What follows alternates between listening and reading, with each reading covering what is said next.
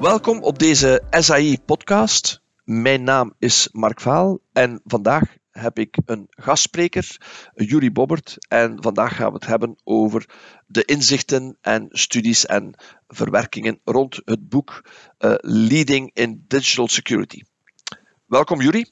Dankjewel Mark, leuk om er te zijn. Graag gedaan. Uh, kan je jezelf misschien even introduceren voor de luisteraar? Zeker, ja. Ik ben uh, Juri Bobbert. Ik ben uh, professor aan de Antwerp Management School en academisch directeur voor de Cybersecurity Executive Master opleidingen al daar. inmiddels ook 20 jaar ervaring als Chief Security Officer bij grote financiële instellingen en techbedrijven. En sinds kort ook, nou ja, sinds tien jaar al auteur van een groot aantal boeken. Onder andere over, eh, waar we het vandaag over gaan hebben, leading in digital security. Maar vaak op het snijvlak van digital security, risk management, governance, IT. Dus uh, vaak van die, vanuit die perspectieven. Mm En Juri, wat was eigenlijk de trigger om dit specifiek boek, Leading in Digital Security, uh, te schrijven? Ja, ik had um, een hele mooie promotieonderzoek gedaan um, uh, aan de Universiteit van Antwerpen. Hè. Dus aan de Universiteit Antwerpen en Antwerp Management School deed ik mijn promotieonderzoek naar hoe kunnen we nou eigenlijk leren van de traditionele IT-security en dat goed embedden in een managementdiscipline? Dus zeg maar dat we het ook kunnen doseren op een MBA. En um, dat promotieonderzoek dat leidde mij uiteindelijk als CISO van het UWV, dat is een Nederlandse organisatie, een uh, uitkeringsinstelling, grote financiële uitkeringsinstelling voor uh, mensen die uh, arbeidsongeschikt raken of een uitkering nodig hebben, is een grote financiële instelling. En Nationale Nederlanden Groep, ook een grote financiële instelling met een internationale eh, dekking. En daar heb ik een aantal, ja, de rol van Chief Security Officer vervuld. En langs dat promotieonderzoek kwam ik eigenlijk tot de conclusie: er is eigenlijk niet echt een heel goed managementboek als het gaat over ja, het managen van information security. En toen ben ik gaan schrijven samen met mijn uh, collega toen de tijd Mark Butterhoff. Die had uh, een rol in mijn CISO-team. En zijn rol was voornamelijk het automatiseren van allerlei handmatige IT-processen. En wij kwamen steeds meer aan de praat eigenlijk over van... Ja, wat leren we nou eigenlijk van het embedden van dat soort managementdisciplines in organisaties? En zou het niet leuk zijn om daar een boek over te schrijven? Dus het is enerzijds een boek over wat hebben we geleerd in die jaren bij die grote financiële instelling. Maar anderzijds ook, wat zijn eigenlijk de silent enemies? Want het boek heet ook Leading in Digital Security. 12 Ways to Combat the Silent Enemy. En de silent enemy, dan moet je denken aan nou, de individuele agenda's van mensen, culturele veranderingen in een organisatie, uh, financiën, budgetten, dingen die niet altijd heel tastbaar en zichtbaar zijn, maar wel degelijk je agenda bepalen en je strategische executie van zo'n plan. Dus dat was eigenlijk voor ons de aanleiding voor het schrijven van het boek. Oké. Super. Ja, ik denk inderdaad, het is een heel actueel thema natuurlijk, maar mensen zijn inderdaad op zoek naar handvaten, naar manieren om eh, enerzijds ja, de bedreigingen intern en extern uh, aan te pakken, te inventariseren. Anderzijds ook inderdaad handvaten om een aanpak te hebben. Een soort manier waarbij dat ze zo goed mogelijk zich integreren in de organisatie. Zeker niet aanzien worden als de uh, showstopper, iemand die altijd nee zegt, maar eerder als iemand die meedenkt met de visie. En vandaar dat ik het wel interessant vond om dit boek uh, te lezen, omwille van het feit dat ja, je hebt het ge, uh, gepoogd aan die twaalf handvaten in zes grote blokken. En dat ja, dat, dat geeft toch wel inspiratie om een structuur te brengen in die massa aan informatie en massa aan frameworks en massa aan uh, technologieën er zijn. Want dat is, lijkt mij toch wel een uitdaging om mensen zien nog altijd uh, digitale veiligheid of information security nog altijd als een technisch thema en niet meer dan dat. Hoe heb je dat aangepakt om dat op te delen in die 12 ways eigenlijk? Hoe, hoe is dat verlopen? Ja, er zijn eigenlijk een paar uh, zaken dan van belang. Hè. Dus wij kijken vanuit een strategisch leiderschapsperspectief. Dus wat zijn eigenlijk leiderschapscapabilities die nodig zijn voor nou, bijvoorbeeld een CISO, hè, tegenwoordig de persoon die dat dan leidt.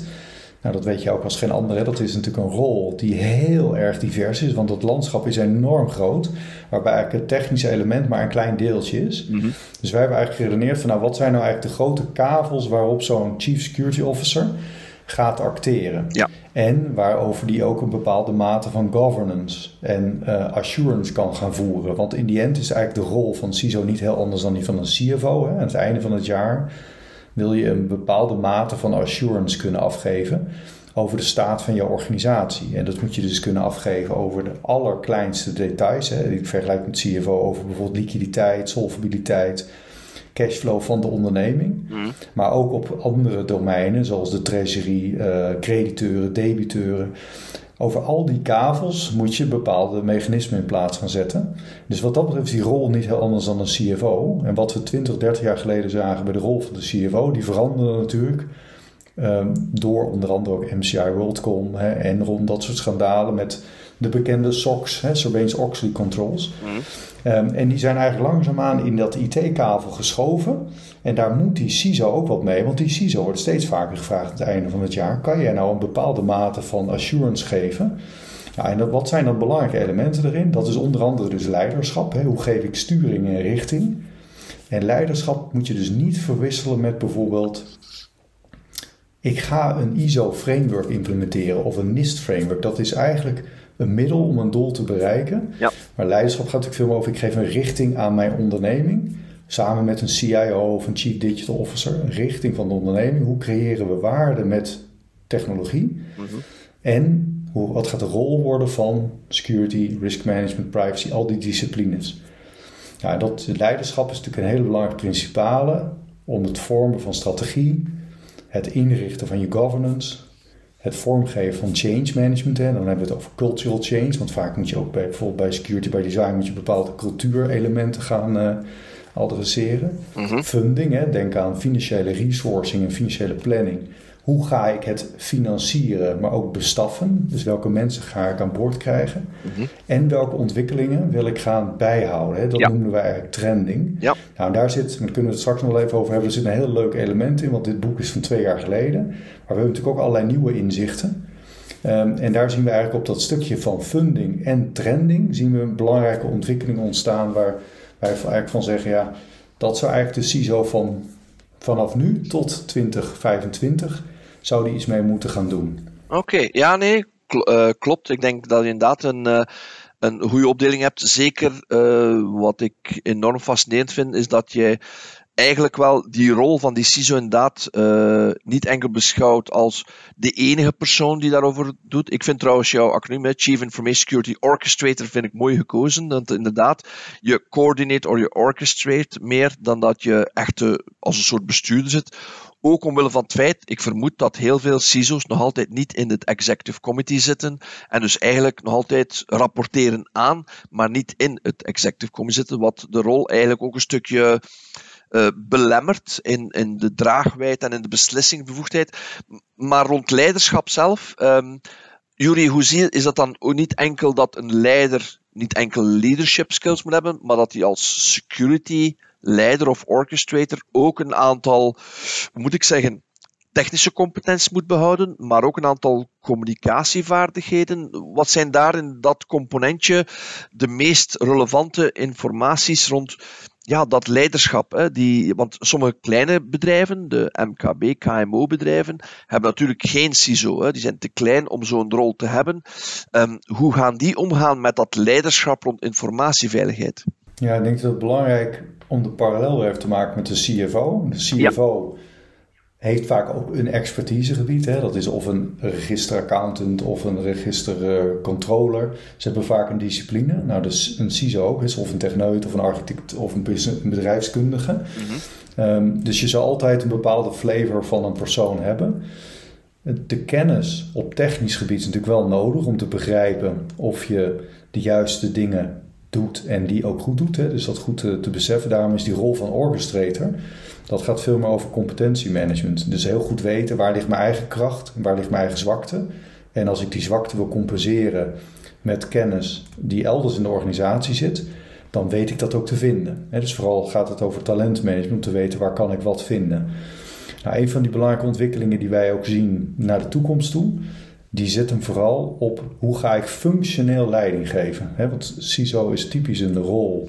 Dat, en we denken vaak traditioneel bij leiderschap aan hiërarchische leiding geven, hiërarchische sturing. Mm -hmm. Maar dit is natuurlijk een rol, dat is bijna 80, 90 procent is een functionele sturing.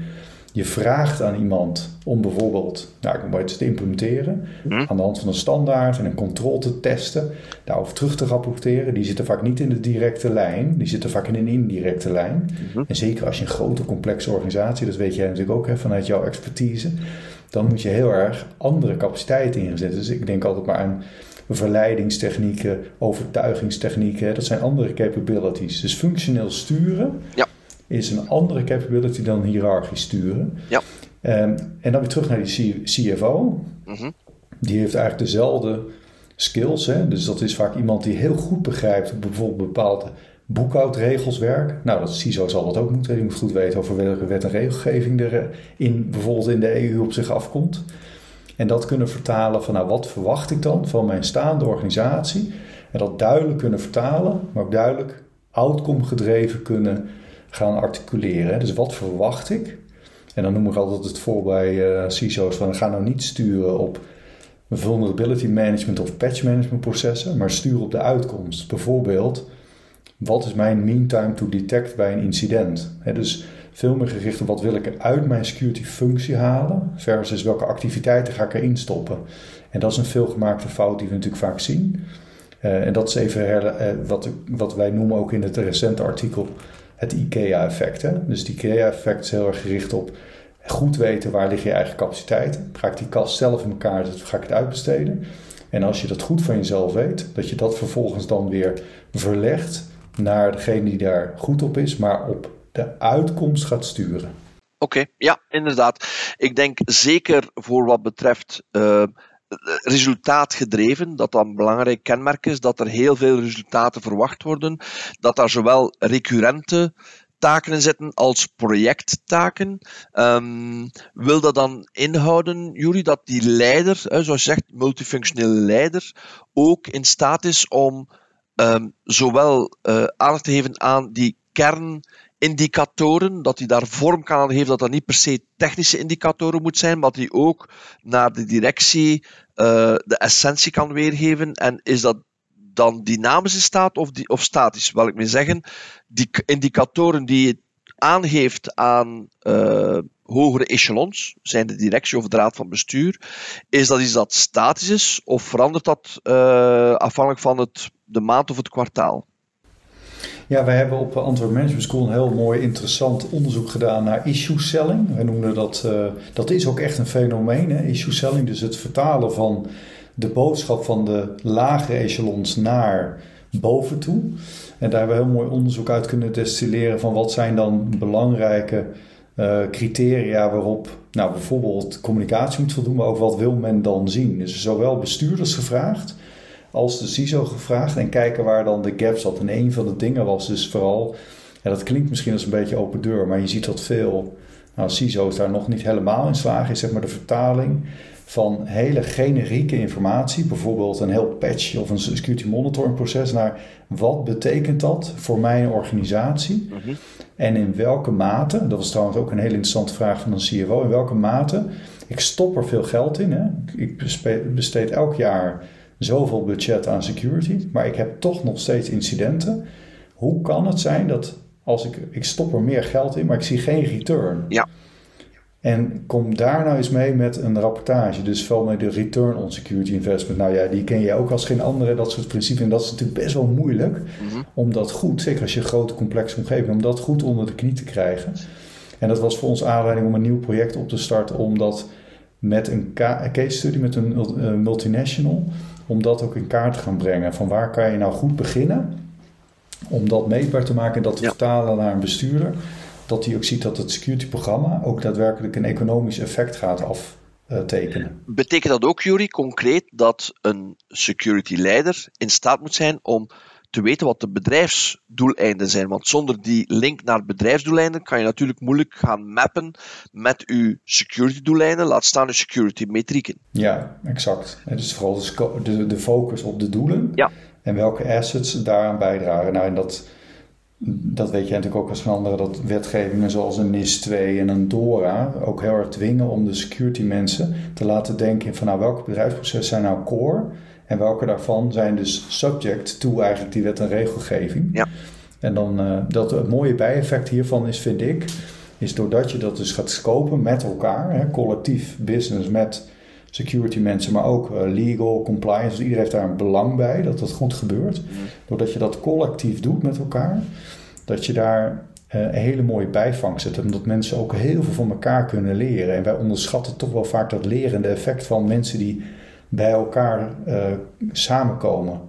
Mm Ja, klopt, klopt. En uiteraard, ik denk, omdat je spreekt van uh, het samenbrengen van mensen, het samenbrengen van competenties, maar dat wil wel zeggen dat je in staat moet zijn om ja, een bepaalde visie te poneren, om een bepaalde richting uit te gaan. Uiteraard, de organisatie waar je werkt wil bepaalde doelobjectieven bereiken, hè, naar aanleiding van uh, wat het doel van de organisatie is, maar ook wat ze willen bereiken qua ja, lange termijnvisie, korttermijnvisie. Um, ik heb de indruk dat, en, en je haalt ook aan in je boek, dat inderdaad de security visie of strategie, dat die dikwijls nogal technisch wordt vertaald. Hè, van, hè, zoals je zegt, patching en de, de, de, processen die moeten in orde zijn en dat moet in lijn zijn met bepaalde compliance objectieven.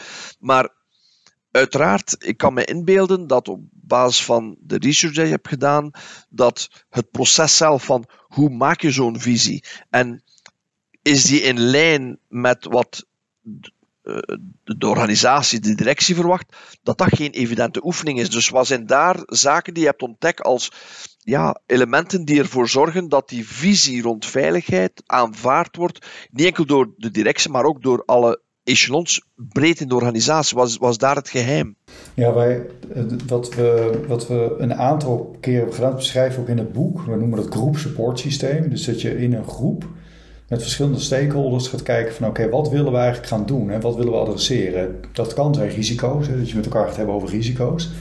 Je kan ook omkeren kijken welke opportuniteiten willen we gaan adresseren met elkaar. Welke risico's zien we daar en hoe willen we die met elkaar collectief gaan adresseren? En wat je vaak ziet in onze praktijk is dat mensen heel erg gaan richten op nou, wat zijn de common uh, risico's die we zien. Hè? Die gaan we redeneren vanuit het risicoregister. We hebben natuurlijk heel veel voorbeelden van, van repositories die aangeboden worden. Maar dat is eigenlijk al een vast voorgedefinieerd pad wat je dan gaat bewandelen. En dat wil je misschien helemaal niet. dus vooral veel meer denken van nou, wat zijn de opportuniteiten die we hebben. Mhm. Dan kijken, wat zijn daarin mogelijke risico's die we kunnen adresseren met een programma. En dan nadenken over van wat willen we uh, als outcome daarvan hebben. En waar kunnen we dan op gaan meten. En als je dat met een bestuurder doet, krijg je dus ook een metriek die veel meer gaat over een business outcome in plaats van. Nou, ik, eh, wij, laten ons ook best wel veel leiden door vendors. Hè. Vendors komen met een risk dashboard en dat dashboard wordt letterlijk gepresenteerd aan de bestuurder. Ja. En dan zien ze duizenden vulnerabilities, ze voelen zich helemaal overweldigd, denken van ja, wat moet ik daar in hoge godesnaam mee? Wij noemen dat uh, in, een, in, een, recent artikel, wat ook in het boek wordt beschreven, noemen we dat informatieasymmetrie. Hè? Dus de verkoper heeft eigenlijk meer informatie dan de koper. En de koper weet eigenlijk niet zo goed waar hij op moet letten. Ja. Dat is die, die informatie-asymmetrie. Dat leidt dus tot ja, zeg maar een groot conflict tussen koper en verkoper. En daarmee haakt een van de partijen af en heb je altijd een desillusie. En dat wil je eigenlijk niet. Nee. Ja, dus dat je dat collectief doet.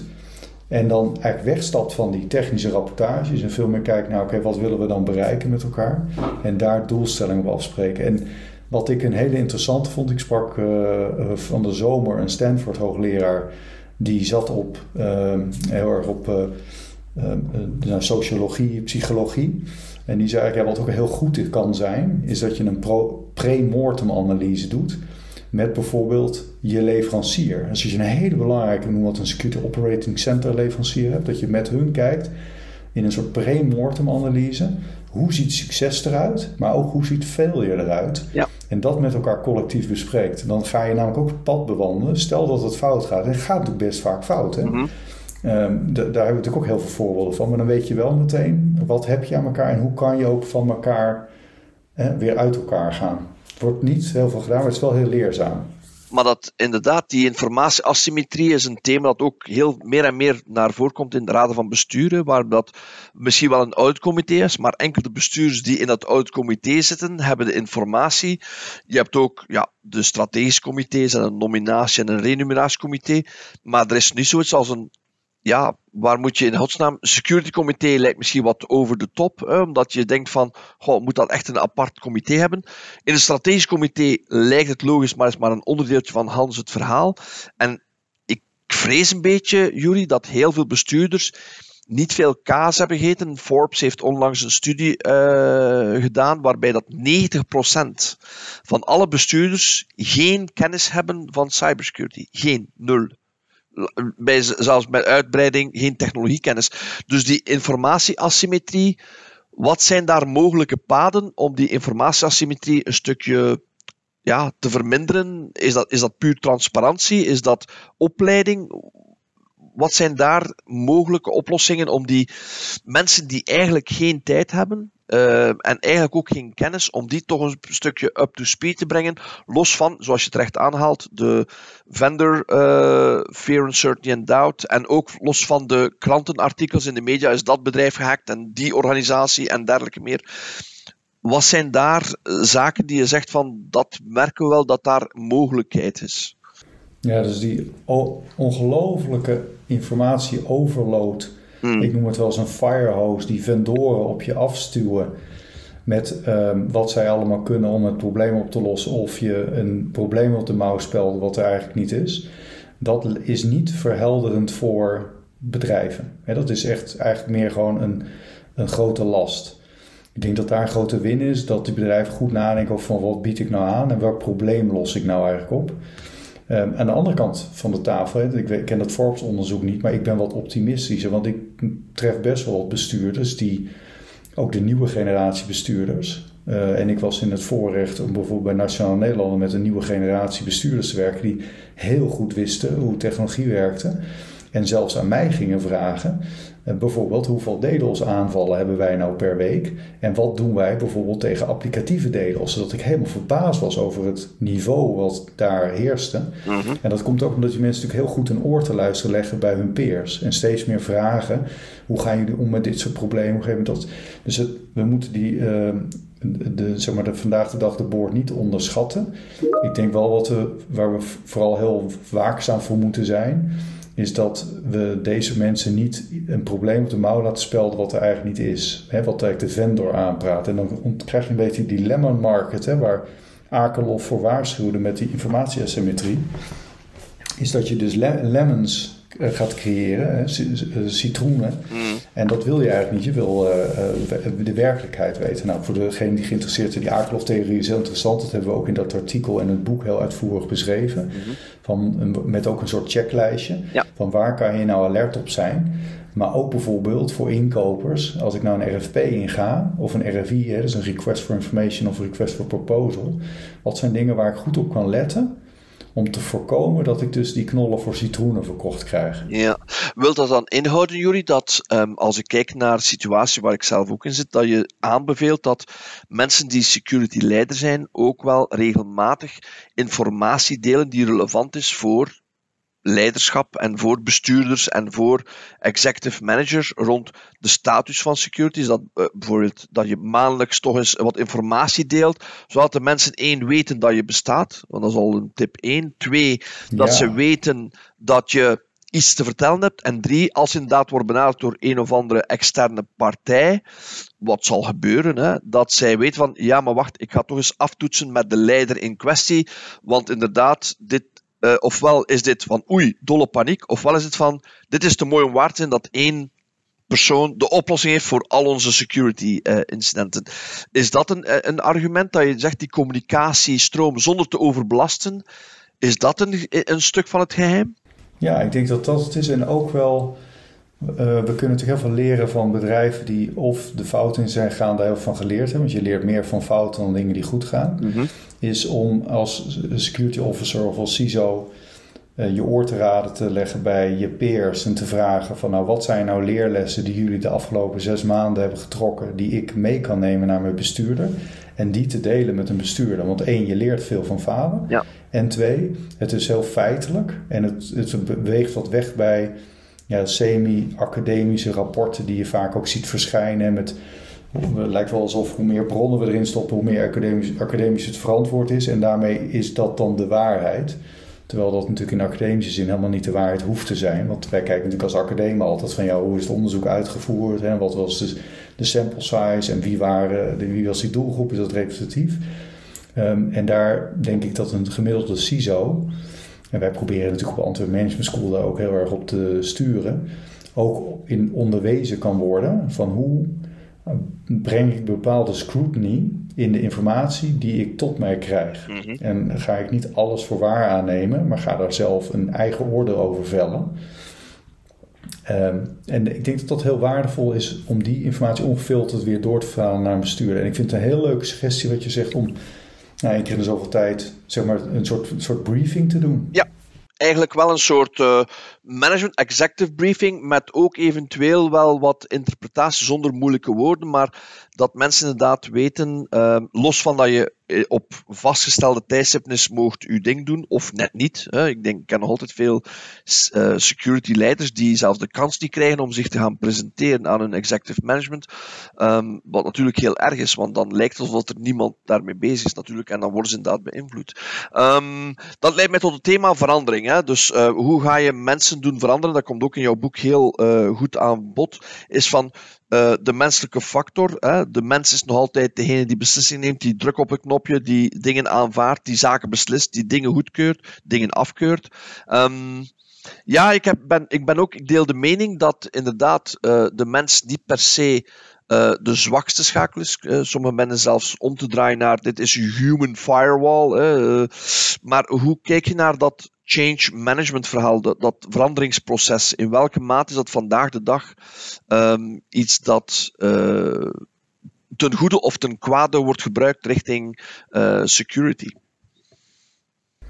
Ja, ik denk dat je het beste onderscheid kan maken in ik heb een, zeg maar, een technisch change management. Hè? Dus wat moet ik allemaal veranderen in de organisatie technisch? En wat in de mindset en in het gedrag van mensen die daadwerkelijk aan de knoppen zitten van de technologie. Dus bij die laatste wil je vooral natuurlijk bereiken dat mensen goed nadenken over safety by design, security by design is natuurlijk een mooi buzzword, maar wat betekent dat concreet? En wat verwacht ik van mijzelf als vakman of als vakvrouw dat ik daadwerkelijk aan het begin goed ga embedden in dat veranderproces? En dat uh, actief ook gaan evangeliseren. Nou klinkt dat als heel makkelijk, maar wij hebben daar een onderzoekje naar gedaan aan Antwerp Management School van wat is nou eigenlijk uh, de, wat zijn leiderschapscapabilities die daarbij horen. En dan kom je onder andere dus op dat functioneel sturen. Mhm. Dus functioneel sturen uh, is iets wat je natuurlijk heel erg doet vanuit de inhoud. Hè? Want je wil inhoudelijk een bepaalde leiderschaps uh, visie uit, uitvaardigen. Dus heel erg op de inhoud gaan vertellen aan mensen waarom je iets wil doen. Je neemt ze mee in de why. Waarom gaan wij deze verandering inzetten? En mijn ervaring is ook als je dat goed kan onderbouwen met een goed, goed verhaal, waarom we dat willen, dat vaak technici of technische mensen die dat bij design dan zouden moeten doen, ook een soort intrinsieke motivatie krijgen om dan ook te laten zien dat ze dat heel goed kunnen. He, dus dat echt intrinsieke vakmanschap ook echt willen gaan etaleren. En ik vind dat altijd een heel mooi mechanisme van positieve verandering. Mhm. En anderzijds, Noël Kaptein, dat is een onderzoeker aan de Erasmus Universiteit. Ik denk vier, vijf jaar geleden onderzoek gedaan naar soft controls. Dat je veel meer gebruik kan maken van soft controls in plaats van hard controls. Ja. En een van de soft controls die hij ook benoemt, is van het eigenlijk het appel doen op het vakmanschap van iemand. Want als je dat heel expliciet doet, bijvoorbeeld in een arbeidscontract, dan gaat men daar ook naar acteren. En dat vind ik hele mooie change mechanismes, die veel meer horen bij vandaag de dag bij ja, het gedistribueerd werken in kleinere teams. Veel meer empowerment in die teams. Je werkt met een hele andere generatie die veel minder zijn van de carrot en de stick. Dus dat soort uh, change management leiderschapscapabilities, mm ja, dat is, um, is een denk ik een belangrijke positieve factor voor ons vak. Klopt. Nee, dus, dus absoluut juist. Ik denk dat ook de wereld, zoals je zegt, technologie verandert en denkprocessen en er wordt verwacht dat er sneller wordt gereageerd. Um, ik zie ook hoe bedrijven uh, door klanten onder druk worden gezet om veel meer features en zaken te integreren in hun bestaande processen, zodat de klant meer kwaliteit, meer waarde krijgt dan um, ja, wat hij er zelf in slimme bedrijven gaan het effectief aan uh, uh, omarmen. Om te zeggen van ik kan het ook gebruiken voor andere klanten. Dus dat brengt toegevoegde waarde. Um, maar het eist wel een enorme druk. En ik heb de indruk, Jury, dat de druk toeneemt op alle partijen in een organisatie om steeds sneller uh, veranderingen te implementeren en dat men minder en minder de tijd krijgt om een reflectie te doen van hoe belangrijk is dit? Is dit goed getest? Is dit goed, uh, wordt dit goed opvolgd? Is deze verandering überhaupt waardevol uh, voor iedereen of is het enkel voor deze ene klant van toepassing? Ik heb de indruk dat enorm veel druk is en dat heeft ook te maken met ja, de snelheid waarmee alles uh, verandert. Hè. Waar we vroeger een 8 to 6 environment maandag tot vrijdag hadden, is nu 9 to, is 24-7 heel de week door, inclusief de weekend. Hoe, hoe is uit dat onderzoek gebleken dat dat een van de zaken is die ook een zware impact heeft naar het security verhaal. Die, die, die enorme druk die aan het toenemen is, niet enkel op veranderingen, maar ook op die mensen die het moeten uitvoeren en absorberen. Ja, ik heb, uh, jij bent een groot fan van het werk van Peter Hintze, van The Shit of Yesterday en The Shit of Tomorrow, wat we mhm. wel eens aanhalen in de colleges. Ja. Ik denk dat dat ook iets is, de shit of yesterday, dat is natuurlijk wat de gemiddelde manager occupied, hè, daar houdt ze bezig. Maar dat is nou net het verschil tussen de manager en de leider, denk ik. Hè, dat de leider ook zichzelf tijd gunt en ruimte gunt om daadwerkelijk te reflecteren op zijn eigen handelen, op te reflecteren van de groep. En die capability, die, dat is gewoon tijd vrijmaken, maar ook elkaar aanspreken daarop. En ik was altijd erg onder de indruk van het werk van Amir Rooney bij Nationaal Nederland Groep. Die maakt voor zichzelf altijd tijd vrij. Hè? Hij zei altijd 10% van de dag gebruik ik om reflectie te doen op mijn eigen handelen. Wat ik beter kan doen. Mhm. En dat is natuurlijk wel echt iets heel sterks. Hè? Ik vind dat hij maakte ook wel eens de grap, dat zaten de mensen in een vergadering en die kwamen dan te laat binnen. En dan vroeg hij, nou waar was je? En dan zei iemand, ja ik zat vast in een meeting. En dan zei hij tegen die mensen, ja vast, vast, wat bedoel je? Was je vastgeplakt of zo? Je kan toch gewoon uit je vergadering, je hebt toch een afspraak met mij? En dus wij zijn ook heel druk bezig. We zijn heel, heel erg, wij zijn zo druk, we zijn zo druk. Ik hoor zelden iemand zeggen, nou ik ben niet zo heel druk en ik reflecteer en hè, eigenlijk heel zelden. Dus we maken het onszelf ook heel druk met vooral heel veel dingen doen. En daar hebben we ook een mooie theorie voor. We hebben tegenwoordig bijna overal theorie voor. Dat heet de Smart Talk Trap. Dat is van Pfeffer en Sutton, ook Stanford professors. En die hebben een hele mooie theorie uitgewerkt dat we heel veel mensen hebben die praten heel veel, maar eigenlijk komt er heel weinig uit hun handen. Ja. En, en ik denk dat dat ook wel, hè, we houden onszelf daar ook wel heel erg mee bezig. Terwijl de focus veel meer zou moeten zijn op de uitkomst. Ja. En sturen op de uitkomst. En dan heb je dus leiders nodig die inderdaad zeggen: Ik ga 10% mijn eigen zaag scherpen. Hè, die sharpen the soul. Daar ga ik 10% van mijn tijd aan committeren. En die dat ook consequent kunnen doorvoeren. En dat zijn er, ja, er zijn gewoon wel uh, leiders die dat heel goed kunnen. Ja, ja, nee. Ik denk dat je daar een terecht punt hebt. Het gaat over tijd maken. Het gaat ook uh, inderdaad die continuous improvement, dat is zo'n mooie kreet, maar hoe pas je in de praktijk toe? Is inderdaad door dat effectief op jezelf toe te passen, op je team en op je activiteiten, maar ook eventueel naar hoe kan ik beter worden en ook die trajecten omzetten in acties, want het enkel neerschrijven is leuk. Hè? Uh, zoals Peet zegt, heel veel plannen, maar weinig uitvoeren is niet veel heeft niet veel zin. Heel veel uitvoeren zonder planning na te denken is ook niet zinvol, want gaat vroeg of laat tegen een muur knallen. Dus de twee, je moet een goede evenwicht vinden. En, en ja, natuurlijk, als je de luxe hebt van een team, kan je dat verdelen naar je teamleden en dat ook uitdragen. En ik denk dat uh, goede leiders in staat zijn om ook hun teamleden te mobiliseren waarom ze bepaalde taken moeten doen. En dat koppelen aan de objectieven van het team, maar ook aan de objectieven van de organisatie. Dat is de NEC plus ultra in mijn opinie. Um, en dat leidt mij naadloos tot ja, governance. Hè. Dus hoe ga je het beheer doen in uw uh, verhaal? En ook daar denk ik dat um, je in jouw boek een heel goed uh, model zegt van we hebben niet behoefte aan nog meer frameworks, maar wel naar praktijken om na te denken over hoe gaan we security governance doen op een manier die modern is. En niet op basis van een framework van uh, pak tien jaar geleden of vijf jaar geleden, want dan denken de mensen, ah, nog een framework. Um, maar ja, governance, dat is inderdaad iets dat wel naar voren komt, ook bij die bestuurders en ook bij um, heel veel mensen, van hoe ben ik zeker dat ik goed bezig ben? Uh, zijn daar bepaalde tips die je kan geven? Ja, zeker. Ik denk dat... Um, um, ik, ik, ik, moet altijd denken aan het voorbeeld. Wat, we hadden net even het voorbeeld over dat tijd maken. Over hoe geef je sturing op mensen. En hoe laat je ook goed voorbeeldgedrag zien. Hè? Wat denk ik ook een heel mooi voorbeeld is in de industrie algemeen. Is wat we hebben gezien bij de Universiteit van Maastricht. Hè, met die hack. En dat daar een CIO op staat en die zegt... Ja, ik heb we hebben een serieus incident gehad, wij hebben daar dit en dit van geleerd. Dat heeft zo'n groot positief effect gehad, niet alleen op de interne organisatie, maar ook daarbuiten. Dat dat soort voorbeelden met elkaar delen. En ik denk dat wij genoeg voorbeelden uh, vandaag de dag hebben van incidenten waar we niet altijd heel goed de root calls van, uh, van weten, maar omdat men ook gewoon bang is om dat te delen. Dat, dat delen daarvan heel waardevol is. Mm -hmm. En um, ja, mijn ervaring daarmee ook is dat als je dat het werk doorgeeft aan je team en je neemt de tijd voor om daar goed op te reflecteren en je laat zien dat dus reflectie en het leren van fouten, dat dat, een, dat, dat mag. En je laat het in voorbeeldgedrag zien dat dat een enorm groot verschil gaat zijn.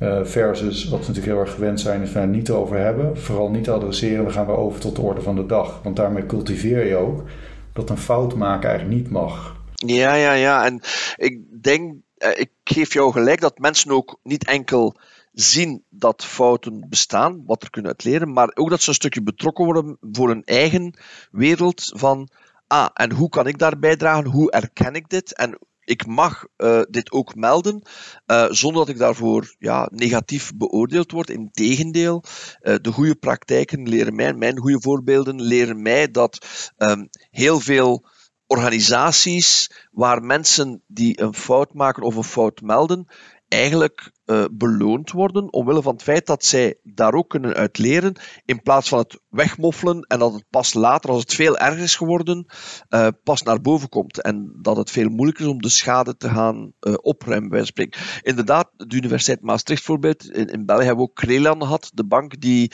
heel snel heeft naar buiten gebracht dat zij een slachtoffer zijn geworden van CEO-fraud.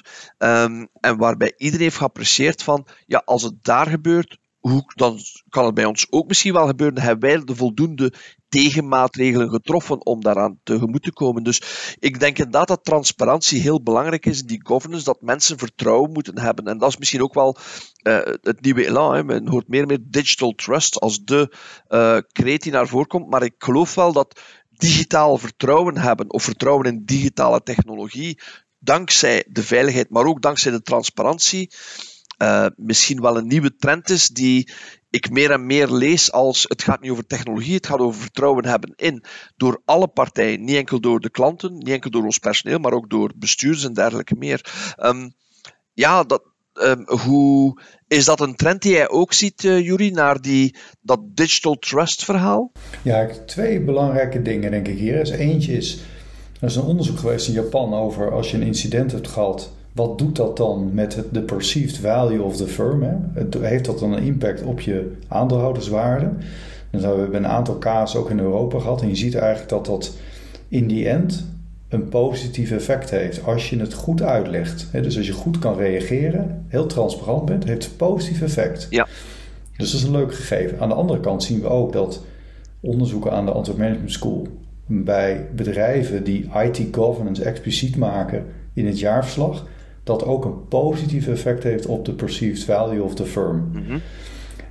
dus dat, dat is een gegeven. Wat wij nu met name ook zien, en we hadden het daar in, de, in, de, in het voorbespreking ook over alle toenemende wet en regelgeving voor de EU. Denk aan Digital Marketplace Act, NIS 2, DORA Act. Is dat eigenlijk worden dat license to operate. Dat ja, de klant ja, ja. van de klant vraagt dat toch steeds meer. Dus je, je, de, de, de assurance statements die gegeven moeten gaan worden over organisaties. Daar komt natuurlijk straks gewoon een, ja, dat wordt eigenlijk gewoon je license to operate, zo'n statement. En anders kan je bepaalde industrieën gewoon niet meer meespelen. En ik denk dat dat een soort factor, de factor gaat worden. Uh, en ik hoop eigenlijk dat Amerikaanse bedrijven er ook mee, uh, goed aan mee gaan lopen. Ik denk aan die Digital Marketplace Act. Ik vind dat heel goed dat we dat in de EU doen. Ja. En ik zou het heel goed vinden als Amerikaanse big tech bedrijven zich daar gaan conformeren omdat wij niet altijd de intenties kennen van big tech bedrijven. Uh, ik ben ook zelf niet heel positief over dat soort intenties. Ik probeer dat ook altijd heel erg studenten mee te geven. Van denk goed na over als je met big tech in zee gaat, hè, voor cloud. Of je goed nadenkt over een entry strategie, maar ook een exit strategie. Omdat je uiteindelijk wel um, jouw klant je er ook op afrekent als je dat niet goed doet. Het is niet goed de scroot niet toepast op bijvoorbeeld contracten. Nee, nee, klopt. En, klopt. en um, als je die trends vaststelt naar ja, uh, het feit dat klanten veel eisender worden, uh, overheden veel eisender worden, omwille van de lessen die ze leren uit incidenten die soms ook bedreigend zijn voor de informatie die een overheid beheert.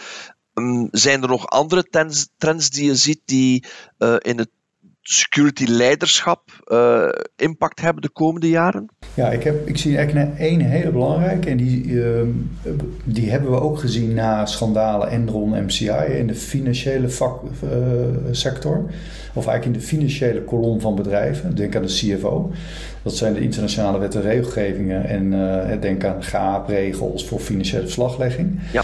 Dat zien we natuurlijk nu ook ontstaan. Er komen allemaal wet en regelgeving aan. Ja. Maar het daarover terug kunnen rapporteren. Bijvoorbeeld, en NIS 2 kent iets over incident management, risk management. Dat soort standaardprocessen. Maar daarover terug kunnen rapporteren is voor heel veel organisaties best wel lastig. En waarom? Omdat het uit allemaal gedefragmenteerde silo's komt, die informatie. Soms in Excel-lijstjes. Mm. En dat bij elkaar consolideren, daar zie ik een belangrijke ontwikkeling voor de CISO. Dus de CISO zal ook veel meer zijn pleitbezorger moeten worden voor een central source of truth. Een centrale repository waar hij zijn, ja, zijn security boekhouding over kan gaan voeren. Um, omdat het risico wat ik zie is dat heel veel dat nog in allerlei silo's plaatsvindt. Dus die rol om een, ja, een soort uh, uh, security ERP, hè. we kennen natuurlijk GRC-tools en ISMS-tools, maar de adoptie daarvan is eigenlijk nog best wel beperkt. Mm -hmm. En het is heel erg gefocust op die security silo en ja. eigenlijk niet integraal. En ik zie de CISO toch wel als een belangrijke leider en een pleitbezorger van de noodzaak daarvoor om te voorkomen dat we straks voor eh, de incompliancy van NIS en DORA komen, zoals we ook met MCI en Enron hadden. En dat zal misschien van een andere magnitude zijn, hè, want toen de tijd was het heel erg financiële implicaties met faillissementen van zo'n MCI en, uh, en Enron. Maar als we dat voor security niet goed op orde hebben en daar niet goed over kunnen rapporteren, krijg je denk ik een wedloop ten aanzien van klantvragen. Dus klanten die eigenlijk dat vragen, die assurance over organisaties. Maar als je het niet hebt, dat klanten gewoon weggaan. En dat je daar een schifting gaat krijgen van bedrijven die dat wel hebben of niet. En degenen die dat wel hebben, die gaan overleven.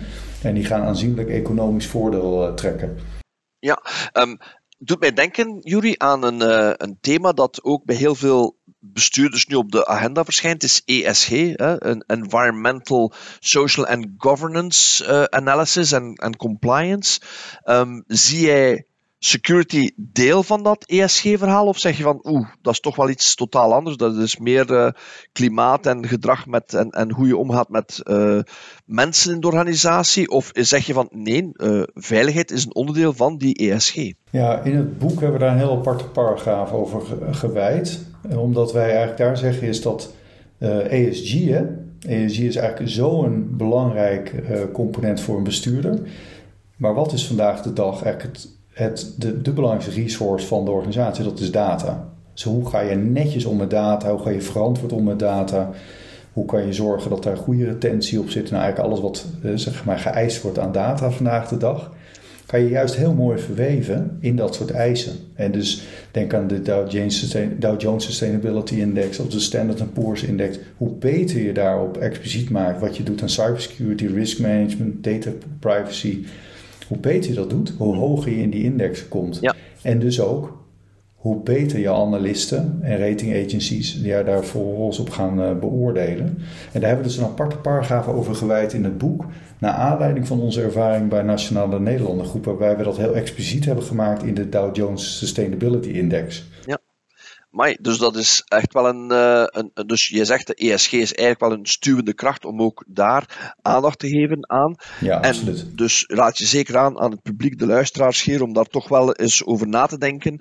Uh, zeker ons uh, IT-publiek, die dan misschien denkt van oei, dat is iets voor ja, een ander departement dat je zegt van hm, misschien moet je toch eens gaan praten om zeker de boot niet te missen of uh, in reactieve modus te gaan. Proactiviteit uh, is altijd wat beter. Ja, absoluut. En daar is ook heel veel mooi onderzoek door gedaan. Onder andere door Nancy Kamps van PwC eh, toen de tijd. Die heeft zich helemaal gericht op dat uh, nou, integrated reporting. Waarbij je ook over ESG goals, uh, naast je omzet, uh, marktaandeel, dat soort dingen gaat rapporteren. En daar, daar hebben we in het boek een verbijzondering van gemaakt. Van nou, waar zou je nou naar kunnen kijken als het gaat om data? hoe data handling, data governance, cybersecurity, en riskmanagement. Ja, dus zeker een aanrader voor de mensen om dat eens goed uit te pluizen in het boek en, uh, en, en daar zeker al naar te kijken. Je had mij net verteld ook in de voorbespreking dat je, uh, het boek is uh, twee jaar oud, maar dat je toch een, een soort update wil doen. Kan je misschien al eens een tipje van de sluier oprichten in welke zin dat er een aantal updates zijn, Jury? Ja, we hebben, dat boek is natuurlijk twee jaar oud, dus Mark Butterhoff en ik, Mark Butterhoff is de auteur en ik ben de auteur. Hè. Dus we hebben met z'n tweeën gekeken, afgelopen periode, we elke maand een blog uitgebracht. Uh, over allerlei invalshoeken. En die zijn toegevoegd. En dan moet je denken aan bijvoorbeeld de duurzaamheid, waar we net ook al grotendeels over hadden. We hebben het gehad over financing, over dat IKEA-effect, die smart talk trap. Over uh, die uh, lemon theory, dus die lemon market van Akerlof. Over de FUD versus bad. Hè, FUD prevails over bad. Nou, heel veel invalshoeken. Die komen opnieuw in dat boek. En daar komt een nieuwe editie van, van het boek. Met eigenlijk die nieuwe invalshoeken. En die zijn over het algemeen heel erg bestuurlijk en leiderschapsgericht. En wat minder op techniek. We benoemen natuurlijk wel theorieën en technieken. Denk aan bijvoorbeeld zo'n zero trust architectuur. Dat ook wel tegenwoordig vandaag de een beetje een buzzword en woord is. Maar wel echt een goede cybersecurity strategie is in technische zin. En wat dat dan vervolgens aan voordeel biedt voor de onderneming. Nou, dat hebben we daar ook allemaal in verwerkt. En die zijn over, over de afgelopen twee jaar gepubliceerd op die website uh, eh, 12ways.net. Dus degene die uh, nou, nog niet kunnen wachten om het uh, boek in nieuwe vorm te lezen, kun je daar ja, te raden. Um, Jury, laatste vraagje om af te sluiten. Uiteraard kunnen we het niet nalaten dat de afgelopen maanden er heel veel te doen is geweest rond artificiële intelligentie en de impact op de wereld, laat staan ook op security, waarbij zowel het proactief en positief wordt benaderd als reactief en negatief. Hè. Het is nu ook uitgekomen dat uh, een van de grootste AI-systemen, ChatGPT, al gekraakt is door de cyberhackers, wat te verwachten was natuurlijk. Wat is jouw insteek en, en advies eh, voor de luisteraars rond ja, artificiële intelligentie en, en, security? Hoe zie jij die combinatie? Ja, ik heb daar net toevallig een artikel over afgerond, die is klaar. En die heeft een hele bepaalde invalshoek, namelijk Net zoals dat je cloud risk assessment doet, zou je eigenlijk het ook voor AI moeten doen. Hè? Dus stel dat ik als ondernemer AI acquireer of uitbesteed of daar iets mee doe in mijn dienstverlening, dan zou ik daar een oordeel over willen vellen. Maar dat is natuurlijk heel moeilijk, want het is vaak een zwarte doos, hè? omdat er allerlei magie in plaatsvindt. En dan hebben we daar, NIST heeft toevallig, dus de National Institute of Standardization Body in Amerika, heeft daar een heel mooi risk framework voor ontwikkeld. Dat hebben ze de afgelopen ik geloof, uh, zeven of acht jaar helemaal doorontwikkeld. En ze hebben daar heel veel input op gehad. Dat is een heel mooi risk assessment framework voor AI. En daar mist alleen wel iets in. Dat was eigenlijk mijn, uh, daar was ik die pleitbezorger voor. Omdat je, wat mist daar is context. Hè? Dus welke ja. contextelementen neem ik mee om dat risk assessment goed uit te voeren? Want als mijn context, als ik een stenenfabriek ben, heb ik een andere context dan een verzekeraar. Mhm. En hoe ga ik daar collectief met verschillende stakeholders van het AI-platform een goede beoordeling over doen? En hoe kom ik dan tot de conclusie of, dat dan, of de AI dan ook ethisch en uh, uh, economisch en technologisch en regelgeving technisch ook daadwerkelijk verantwoord is? Dus dat is zeg maar het assessment deel. Ik denk dat het ons enorm veel kan bieden in termen van uh, kennisvergaring en kennis vertalen. Maar ik heb wel serieus zorgen over het, zeg maar, het ethische deel rondom de engine. Hè? Dus hoe wij daadwerkelijk de engine programmeren. Daarom hebben we ook dat risk assessment ontwikkeld. Daar komt, dat artikel komt volgende week uit. En daar zit ook een verwijzing in naar dat volledige uh, risk assessment plus die verrijking om dat collectief met partijen te kunnen doen. Wederom dus groep support systeemgericht. Dus met een support systeem waarbij je dat aan groep doet. Mm. Amai, um, dat ziet er uh, heel goed uit. Dank u, Jury. Um, uh, zeker en vast uh, zullen we de link ook ter beschikking stellen als het artikel gepubliceerd is. Dat gaan we zeker doen. Um, bedankt ook voor jouw inzichten. En ik kijk ook uit naar jouw tweede editie van het boek. Dat ga ik met veel plezier ook eens opnieuw lezen en proberen gebruiken in, in mijn praktijkervaring. dus Jurie Bobbert, heel veel bedankt voor deze uiteenzetting en, en jouw verhalen en reacties. En uh, ik kijk uit naar uh, misschien eens een, een sessie eventueel later dit jaar om dat nog eens terug op te volgen. Graag gedaan, Mark. Dankjewel.